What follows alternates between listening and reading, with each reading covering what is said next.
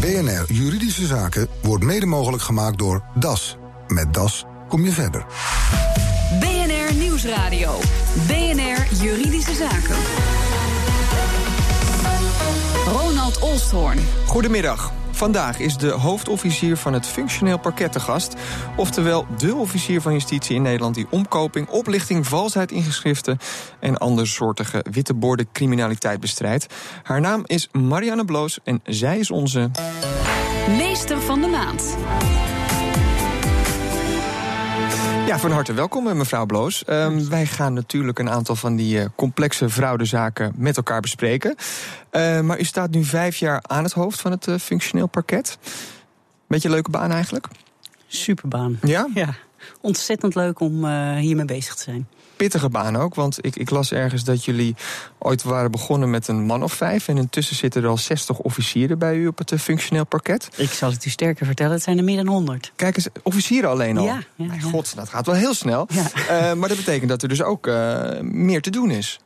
Ja, meer te doen. Er wordt ook meer aan ons gevraagd om te doen. Uh, vanuit uh, de politiek uh, is geld beschikbaar gespeld om meer te doen aan witwas en corruptiebestrijding. En dat hebben we dus ook opgepakt. Ja, um, maar dat is dus eigenlijk in een, een tijdbestek van een goede tien jaar is het zo ontzettend gegroeid, u, u, uw afdeling. Um, ja, heb je dan, dan heb je natuurlijk meer zaken te doen. Maar kun je dan eigenlijk ook zeggen van eigenlijk hebben we het dan altijd nog steeds maar over het topje van de ijsberg als het gaat om het aantal fraudezaken en corruptiezaken in Nederland? Ja. Kijk, je probeert, je probeert altijd een, een, een, keuze te maken welke zaak je in het strafrecht oppakt om uh, effecten te sorteren in een specifiek, op een specifiek terrein of in een spe specifieke branche. En of dan het topje van de ijsberg is. Het zou ook niet goed zijn um, als we de keuze uh, niet zouden hoeven maken, maar dat maar alles aangepakt zou kunnen worden. Ik denk dat we dan ook niet uh, op de goede weg zijn. En, en hoe maakt u dan die keuze wat u wel aanpakt en wat niet? Nou, ik vind dat er bij elke strafzaak die je doet, uh, één, het moet goed zijn om het strafrecht in te, in te zetten. Dus dat betekent dat het niet op een andere wijze kan worden opgelost. En twee, het is ook belangrijk om steeds te kijken uh, welk effect je met het strafrecht zou willen uh, bereiken. Dus hey, je, wil, je wil iets met de verdachte, je wil iets in een branche en je wil ook iets aan de samenleving laten zien. Dus je wil een norm bevestigen. Maar hoe bedoelt u met hoezo niet op de goede weg? Je zou toch gewoon eigenlijk alles ja, met kop en staart willen uitroeien als het gaat om deze vorm van criminaliteit? Nou, dat is niet uit te roeien. Eén, dat, we, dat, we, dat weten we. En twee is, um, je wil niet in een samenleving leven waarop elke hoek een politieagent staat. Hè? Dus je wil uh, een evenwichtige inzet hebben van het strafrecht. Ja, maar dat betekent toch, ja, ik begrijp dat er evenwicht moet zijn, maar dat er nog wel een hoop door uw vingers glijdt waarschijnlijk. Nou, er is nog een hoop te doen, dat wel. Ja. Uh, en uh, of het door mijn vingers glijdt, dat, zo zou ik het niet willen typeren. Ik wil alleen zeggen, uh, ja, op elk onderwerp dat we aanpakken is absoluut ongelooflijk veel strafzaken te doen. Maar je probeert binnen de schaarse capaciteit die je hebt, de goede keuze te maken om te komen tot een evenwichtige afdoening van zo'n zaak. Is dat gelijk, ja, u heeft dus meer mensen, maar u zegt schaarse capaciteit. Zou je eigenlijk nog veel meer middelen willen hebben? Want ja, Openbaar Ministerie is natuurlijk ook een organisatie die te kampen hebben met bezuinigingen. Ja, maar het gaat eigenlijk om schaarse capaciteiten als ik het heb over het ge de gehele keten. Dus het gaat helemaal niet alleen maar over het Openbaar Ministerie. Waar het om gaat is dat er een evenwicht ook moet zijn tussen de opsporingscapaciteit, vervolgingscapaciteit, capaciteit bij de rechtbanken. Um, en ik denk uh, dat dat het heel erg belangrijk is dat dat in evenwicht is. Oké, okay, laten we het concreet gaan maken. Want bijvoorbeeld in de vastgoedwereld willen dit soort zaken nog wel eens spelen. We kennen natuurlijk de grote vastgoedfraudezaak. Daar ging het om heel veel geld, hè? uiteindelijk 200 miljoen euro. Uh, nu actueel een zaak van Rudy Stroink, ook een uh, vastgoedman. Die uh, voor 1,7 miljoen euro aan steekpenningen zou hebben betaald aan Google. voor het verlengen van een huurcontract. vindt zelf dat hij onschuldig is, daarom mogen we met naam en toenaam noemen. Um, maar juist in die wereld dus is het kennelijk toch nog wel vaak ja, aantrekkelijk om um, over de scheef te gaan. Hoe verklaart u dat? Waarom zijn die verleidingen zo groot daar? Nou, ik zou niet willen zeggen dat het alleen maar om de vastgoedwereld gaat. Dus dat zou, dat, dat zou betekenen dat ik iets zeg over deze sector. Uh, uh, waar het uh, in, de, in de zaak die u noemde om ging, is dat er um, bedragen zijn betaald. Zodat iemand positief beïnvloed zou worden om een, een huurcontract af te nemen. Um, maar je ziet ook dat op andere plekken bedragen worden betaald om iets voor elkaar te krijgen. En als we kijken naar de, de, de casus van Vimpelcom, zag je dat het bedrijf betaalde om uh, de mogelijkheid te krijgen van een mobiel uh, netwerk gebruik te maken. Vimpelcom, even voor de luisteraars, een, een telecombedrijf, groot telecombedrijf. Een grote telecomgigant. Uh, Russisch van oorsprong, hoofdkantoor hier in Amsterdam. en die zou betaald hebben om toegang te krijgen tot de Oezbeekse markt. Ja. En het is uh, de een van de zes grootste telecomproviders in, in de wereld. Ja, en, en die heeft u ook, dat is een zaak die u dit jaar tot een, nou ja, een schikking heeft gebracht. Zij hebben een, een, een, boete van ons opgelegd gekregen. Uh, en we hebben gezegd dat ze het geld dat ze verdiend hadden met deze uh, vorm van handeldrijven moesten terugbetalen. En dat is een gezamenlijk onderzoek geweest met een aantal landen. Hè. Dus dat is niet alleen maar Nederland, dat is ook Amerika geweest. En er wordt op dit moment samengewerkt met Zweden en de Noren om het geheel van die, van die problematiek op te lossen. En hoe gaat zo'n zaak rollen? Bent u afhankelijk van klokkenluiders, uh, kroongetuigen? Stappen mensen uit zichzelf naar u toe? Uh, ja, hoe gaat dat in zijn algemeenheid? Is het eigen onderzoek met name? Uh, dat, dat kan elke keer weer anders zijn. In de Vimpelcom-casus ging het gewoon om een oplettende belastingdienstmedewerker die vreemde betalingen zag. In de zaak van SBM kwam, kwam uh, SBM zelf en, en kwam zelf met de gegevens. Dus je ziet in elke zaak is er nou ja, komt er informatie naar je toe uh, aan de hand waarvan je het opsporingsonderzoek begint. Waardoor er een belletje gaat rinkelen. Ja. ja. Maar dan, dan ben je er natuurlijk nog niet. Want uh, als er een moord gepleegd is, dan is er ergens een smoke gun natuurlijk. Uh, ja, hier zijn er natuurlijk vaak hele ja, paper trails, zoals ze dat noemen natuurlijk. Het gaat allemaal heel vernuftig via allerlei verschillende bankrekeningen. Nou, noem het allemaal maar op. Um, dat is toch ook vrij lastig, denk ik, om dat bewijs uiteindelijk ook echt te gaan vergaren. Uh, soms wel, maar in de gevallen die ik net noemde, is het zo dat de bedrijven zelf heel erg um, goed mee hebben gewerkt aan het onderzoek. Dus dat betekent dat ze ook zelf onderzoek doen naar het feitencomplex.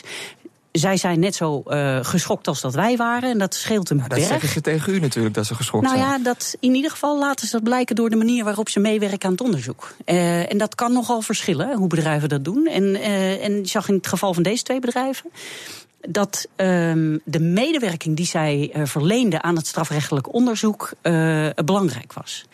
Uh, zij hebben zelf intern onderzoek gedaan, wat zij ook aan het Openbaar Ministerie ter beschikking hebben gegeven. En aan de hand waarvan wij verder konden kijken of nou, ik bedoel, we nemen dat natuurlijk niet stoet, uh, voetstoots aan. Dus uh, op basis waarvan wij dan ook nader onderzoek doen om het te verifiëren. Maar bent u dan afhankelijk van de frauderende bedrijven zelf om zulke zaken rond te krijgen? Nee, nee. we hebben gelukkig uh, twee ongelooflijk goede opsporingsdiensten die ons daarbij helpen. Of eigenlijk drie. Het is meestal de Field, soms in samenwerking met de Rijksrecherche en soms in samenwerking met de politie. en wij proberen op die manier het onderzoek te doen. Ja, en die internationale component is denk ik ook heel belangrijk tegenwoordig. Ik bedoel, het zijn allemaal zaken die zich uh, niet beperken tot uh, de grenzen hier in Nederland. Nee, nee. nee. met name uh, dit soort zaken die spelen zich inter op internationaal terrein af. En um, nou, ik, ik kan ook met verve zeggen dat het, uh, het FP en het Openbaar Ministerie hierin gewoon een internationale speler is geworden. En um, ja, dat uh, doe je niet. Uh, hoe bedoelt u dat, internationale speler? Ik bedoel, ze, ze nou, hebben niet zoiets van, uh, nou ja, als ze een paar landen moeten bellen, dat ze u vergeten. Ze bellen nog wel eventjes met, uh, met u, mevrouw Bloos. Nou, ze bellen niet alleen mij, maar wij bellen ook hen. Uh, op het moment dat we denken dat dat verstandig is. Um, en dat betekent dat je um, in dat internationale speelveld natuurlijk wel moet, de taal moet leren spreken van die andere landen. Dus dat doe je niet uh, op klompen en een uh, bos bloemen of tulpen in je hand. Hè, maar dat doe je op een andere manier. Betekent dus, dus ook dat je uh, uh, belangrijk de taal spreekt van de landen waarmee je samenwerkt. Dat je die rechtsstelsels moet kennen. Dat je goed moet weten met wie je wel en niet kan samenwerken. Um, en dat, nou, dat heeft enorme effecten. Nee, kunt u daar een voorbeeld van geven? Ik bedoel, met wie moet u dan bijvoorbeeld niet samenwerken? Nou, wij hebben in het geval van SBM niet samengewerkt met Angola en Equatoriaal Guinea. SBM Offshore, uh, steekpenningen betaald in verschillende landen, dus ook die landen die u zojuist noemde. Uh, waarom heeft u met die landen dan niet samengewerkt? Omdat u dan nou, de, de, de, geen vertrouwen heeft daar in het justitieel apparaat? Dat is, dat is de belangrijkste conclusie. Ja, maar met de Amerikanen werkt u dus wel veelvuldig samen? Wij werken veel samen met de Amerikanen, maar samenwerken met de Amerikanen heeft ook wel een speciaal karakter. Je doet nooit een onderzoek samen met de Amerikanen. In, in Europa hebben we Joint Investigation Teams. Kan overigens ook wereldwijd, zie je aan het onderzoek van de MH17 bijvoorbeeld. Um, maar met de Amerikanen in dit soort onderzoeken is nooit een samenwerking waarbij je samen een onderzoek doet, maar eigenlijk wat wij noemen: het is parallel but not joint. Oké, nou las ik ook ergens dat u bijvoorbeeld wel fan bent van het verschoningsrecht. Hè? Dat advocaten natuurlijk vrijelijk kunnen communiceren eh, met hun cliënten. Uh, maar ook weer niet zo'n heel groot fan, want het zit u ook wel eens in de weg, begreep ik. Het is een beetje te veel uitgedijd. Um, ja, is het, is het inderdaad het geval? Ja, u zit een beetje te glimlachen naar me, maar... het is een gevoelig onderwerp. Voor heel veel van uw luisteraars waarschijnlijk. Ik ben een enorme fan van het verschoningsrecht. Maar ik vind dat het verschoningsrecht daarvoor uh, gebruikt moet worden waar het ook voor gebruikt zou moeten worden. Hè. En dat het verschoningsrecht is van uh, heel lang geleden, is in ons wetboek gekomen. Uh, en um, ik zou ook heel graag willen dat alles wat ik tegen een advocaat zou zeggen, dat dat geheim blijft.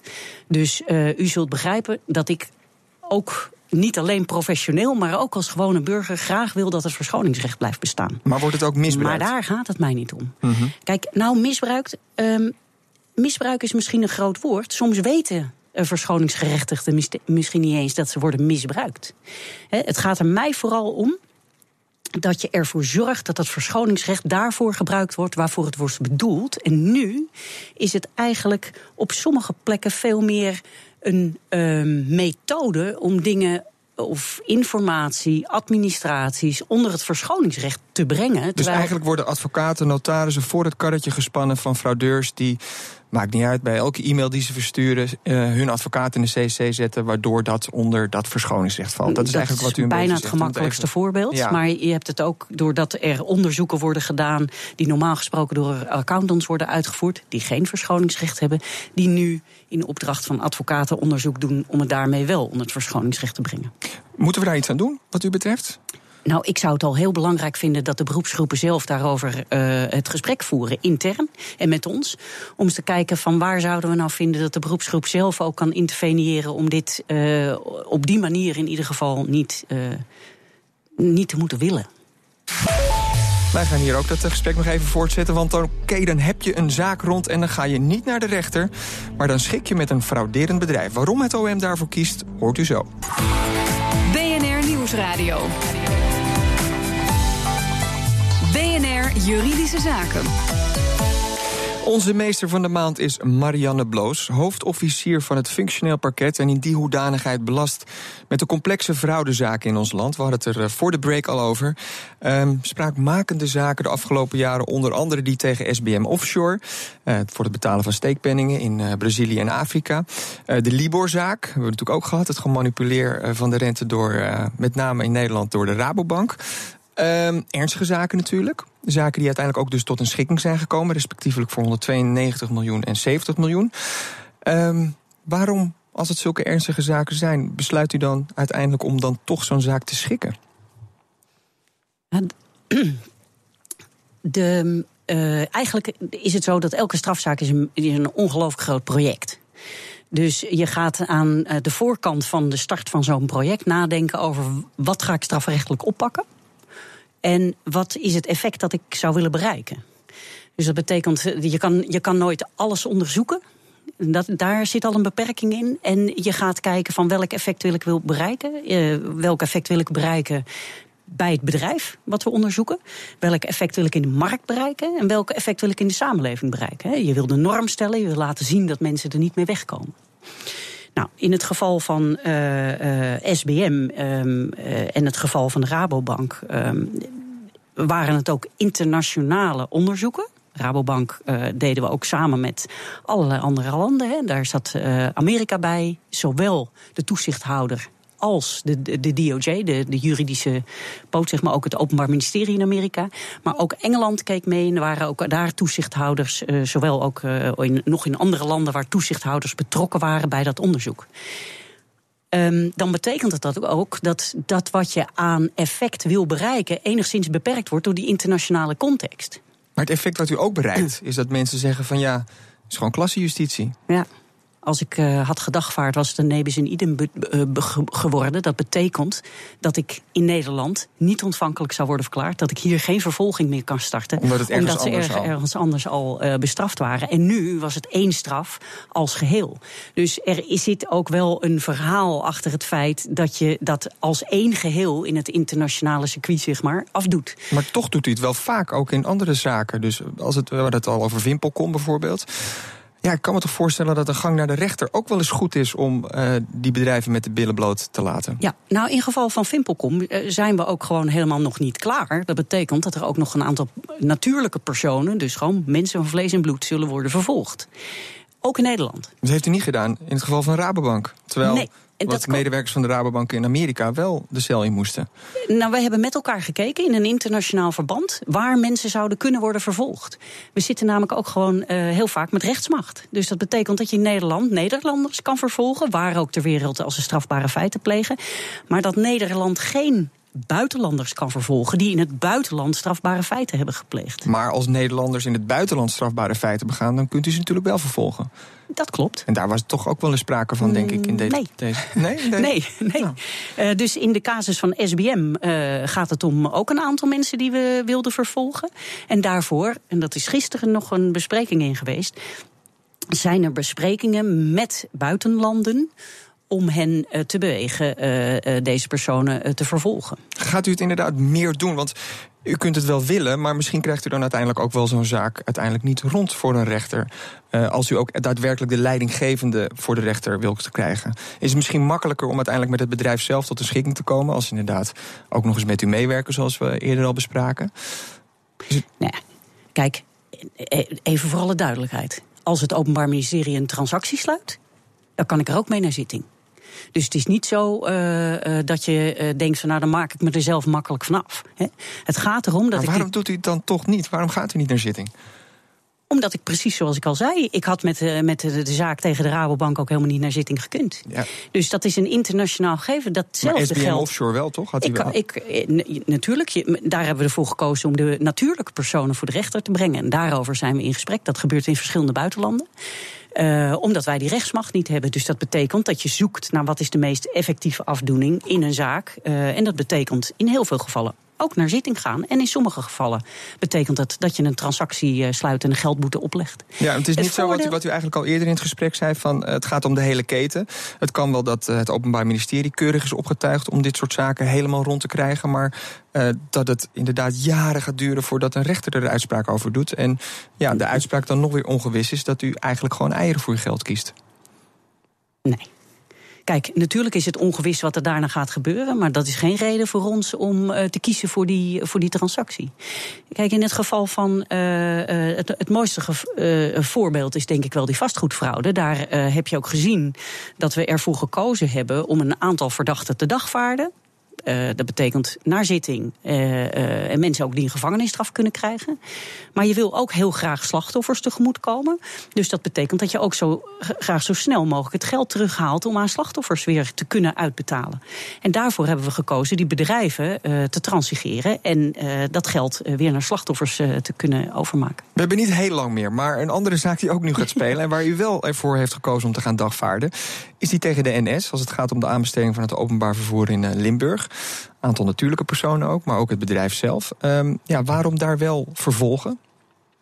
Nou ja, in, in dit geval uh, ging het om. Um, uh, uh, het, het, gaat eigenlijk om vals spel in een aanbestedingsprocedure. Zo kijken wij ernaar. Hè? Want ik bedoel, laten we heel eerlijk zijn: de zaak gaat nog naar zitting. Het is een verdenking. En wij verdenken ze van het spelen van vals spel.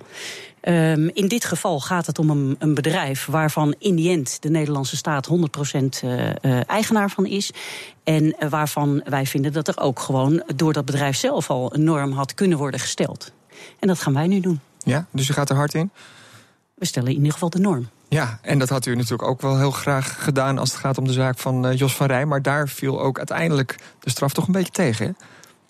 Nou ja, wij zijn tegen, uh, tegen in deze zaak in hoger beroep. Uh, dat betekent in ieder geval dat we het niet eens waren met de rechtbank. En daar waar de rechtbank een beetje hinkt op twee gedachten, zeggen wij: een beetje corrupt bestaat niet.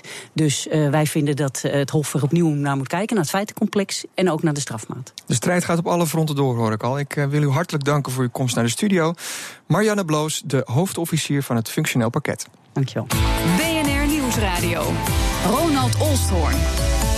Er leek van alles mogelijk met de laptop als luisteraar Dirk de webwinkel mocht geloven.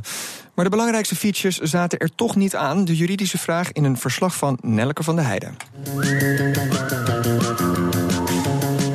Dirk, je hebt onlangs een laptop gekocht en op de website leek het allemaal echt fantastisch met een draaibaar scherm en ook nog een touchscreen. Maar dat bleek allemaal nogal tegen te vallen. Ja, dat klopt. Ik had de laptop eigenlijk uitgezocht omdat ik dacht dat ik hem ook als tablet kon gebruiken, wat me wel heel handig leek. En um, ja, toen ik hem thuis kreeg, toen bleek het eerst dat het scherm niet draaibaar was. En toen bleek ook dat het dus helemaal geen touchscreen was. Dus toen heb ik de webwinkel gebeld. En die namen hem meteen weer terug? Ja, helaas niet. Toen ik belde, toen kreeg ik eigenlijk te horen van, uh, nou, ze gingen het uitzoeken. Dus ik dacht, nou, dat komt vast goed. Ik denk twee uur later of zo, toen kreeg ik een e-mail en er stond eigenlijk in van, nou, helaas, je hebt hem zakelijk gekocht. Dus je hebt geen recht op uh, wetkoop op afstand. Ja, en uh, we nemen hem ook niet terug, want het artikelnummer wat uh, op de factuur staat, het klopt wel. Dus jammer. ja, jammer, maar helaas, je hebt niet goed gekeken. Maar had je dan ook niet goed gekeken? Of hebben ze wel erkend dat er wat fout stond op de website? Ja, ik had wel goed gekeken. Er stond een soort van verhaaltje, zeg maar, over de laptop. Eigenlijk in het Engels een prachtig verhaaltje over wat je er dan allemaal mee kon. En hoe handig het was dat je hem als uh, tablet ook kon gebruiken. En dat hebben ze ook in de mail wel toegegeven. En ze hebben ook gezegd, we hebben de tekst op de website aangepast. En dat is ook zo. Maar ja, uh, daar heb ik verder niet zoveel aan, want ik heb hem al gekocht. Ja, ze willen hem dus niet terugnemen. Wat nu? Ja, dat weet ik niet. Ja, op zich heb ik gewoon wel een werkende laptop. Alleen, uh, ja, als ik had geweten dat hij geen touchscreen had, had ik misschien uiteindelijk wel een hele andere gekozen. Ik ben eigenlijk wel benieuwd of het überhaupt mag. En ja, of ik nu zeg maar gewoon deze laptop moet gebruiken of dat ik hem ook nog zou kunnen omruilen. Marnix van den Berg, kan Dirk nog iets tegen de webwinkel beginnen die hem deze laptop heeft verkocht? Ik denk dat het klopt wat de webshop zegt over die 14 dagen termijn. Want Dirk is in dit geval geen consument, dus hij mag niet zonder reden 14 dagen lang het product terugsturen. Maar dat hoeft voor hem ook helemaal niet, want hij heeft volgens mij allerlei manieren om op een andere manier onder deze koop uit te komen. Ten eerste zou hij kunnen zeggen dat er sprake is van dwaling. Want hij wilde namelijk een laptop kopen die voorzien was van een touchscreen. En als hij geen touchscreen had, dan had hij hem waarschijnlijk niet willen hebben. Oké, okay, hoe moet hij dat dan aanpakken? Nou, dan moet hij nog een bericht sturen naar de webshop en zeggen: Jullie hebben mij nu iets gestuurd op basis van een aanbod op jullie webshop. Ik dacht dat jullie iets konden leveren, maar dat konden jullie blijkbaar niet. Ja, dan hoef ik dit niet te hebben en dan vind ik dat we geen deal hebben gesloten. En moet hij daar nog bepaalde juridische termen in gebruiken? Dan moet hij het begrip dwaling noemen. Ja, hij heeft dus gedwaald omdat de webshop hem verkeerd heeft voorgelicht. En dan staat hij best sterk. Ik vind dat in elk geval een heel duidelijk verhaal. En uh, ik zou het ook heel redelijk vinden als je op deze grond de laptop terug zou kunnen sturen. Maar de webshop zegt ja, maar het artikelnummer klopt wel. Dus je zit hier toch aan vast. Nou, daar ben ik het helemaal niet mee eens. Want dat zou betekenen dat je alle onderzoeksplicht bij de koper legt. En dat je eigenlijk helemaal niet als koper mag afgaan op wat er op die webshop staat. Want er stond namelijk niet alleen een artikelnummer. Er stond ook een heel verhaal over dat touchscreen wat er uiteindelijk niet op bleek te zitten. Je kunt ook nog een andere kant op met dit verhaal. Namelijk de richting van de non-conformiteit. Dan zeg je, ik heb bij jullie een laptop met een touchscreen besteld... maar ik heb er nu een gekregen zonder touchscreen. Stuur me nu maar even een laptop met een touchscreen. En dan helpt het denk ik wel dat de webshop zelf heeft erkend... dat die tekst niet klopte en die tekst heeft aangepast. Ja, daarmee hebben ze toegegeven dat wat ze op de webshop hebben gezet niet goed was. En als die webshop nou volhardt in zijn weigering? Als er helemaal niets gebeurt, dan zal je uiteindelijk toch naar de rechter moeten gaan... om je gelijk te halen. Maar in dit geval staat Dirk volgens mij zo sterk... dat de webshop het daar niet op zou moeten laten aankomen. Dirk staat sterk, volgens advocaat Marnix van den Berg in een verslag van Nelke van der Heijden. De webshop in kwestie wilde niet op de zaak reageren. Heeft u zelf een juridische vraag? U kunt hem naar ons mailen. Het adres is juridischezaken.bnr.nl. Dit was de uitzending voor vandaag. Terug te luisteren via bnr.nl/slash juridische zaken. Mijn naam is Ronald Olstorn. Tot de volgende zitting. BNR Juridische Zaken wordt mede mogelijk gemaakt door DAS. Met DAS kom je verder.